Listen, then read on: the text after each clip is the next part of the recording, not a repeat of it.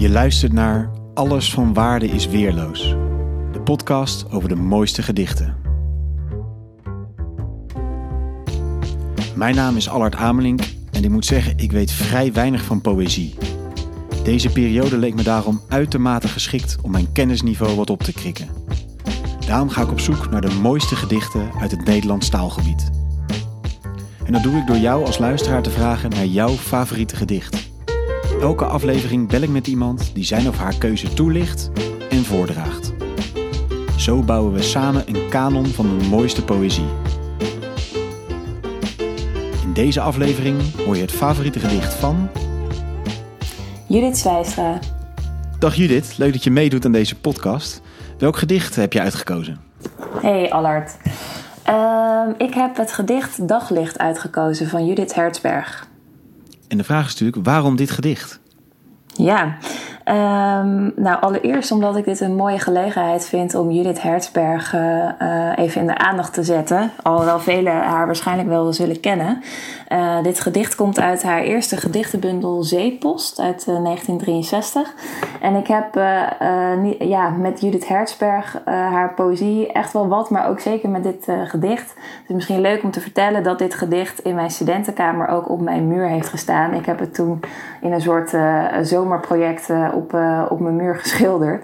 Dat komt eigenlijk omdat ik vond dat het gedicht heel mooi in mijn kamer thuis paste. Ik had van die openslaande balkondeuren en uh, nou, zoals je straks ook zult horen als ik het, als ik het gedicht voorlees, gaat het echt over, dat, ja, over een soort ervaring die je kan hebben als je net wakker wordt en een beetje ja, verweest misschien ook wakker wordt. Um, dus ik heb er persoonlijk echt al wat mee, omdat het zo'n drie jaar op, mijn muur, op mijn muur heeft gestaan in de periode dat ik daar woonde. Uh, maar een ander ding is ook wel dat ik het in uh, nou, de afgelopen weken ook wel een toepasselijk gedicht vind. We leven nu in uh, de tijd van de coronamaatregelen, waarin we allemaal uh, ja, toch thuis moeten zijn. Wij nemen dit podcastfragment ook over de telefoon op. Ehm, uh, en we zijn allemaal ja, teruggeworpen zeg maar, op onze thuissituatie. Um, en dit gedicht gaat ook, is gesitueerd in zo'n thuissituatie. Dus het heeft een beetje de intimiteit van de slaapkamer. En wat ik ook wel heel mooi vind in het gedicht is dat het een soort combinatie is van, uh, van twijfel en on ongerustheid of onzekerheid met hoop. Dus het heeft echt een, ja, een, een, een, een mooie combinatie in zich.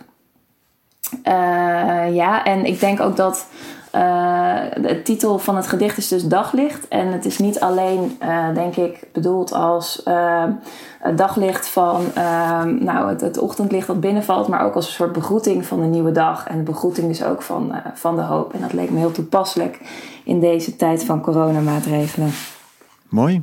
Dankjewel. Dus een herinnering en actualiteit erin één. Dus ik ben zeer benieuwd naar het gedicht.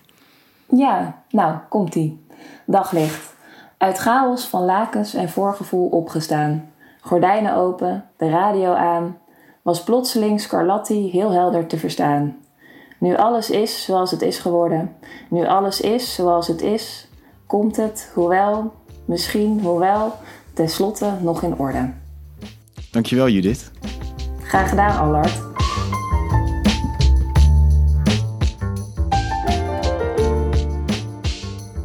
Dank voor het luisteren naar Alles van Waarde is Weerloos. Heb je zelf een gedicht dat je wil aandragen? Laat het me weten via Instagram of Twitter.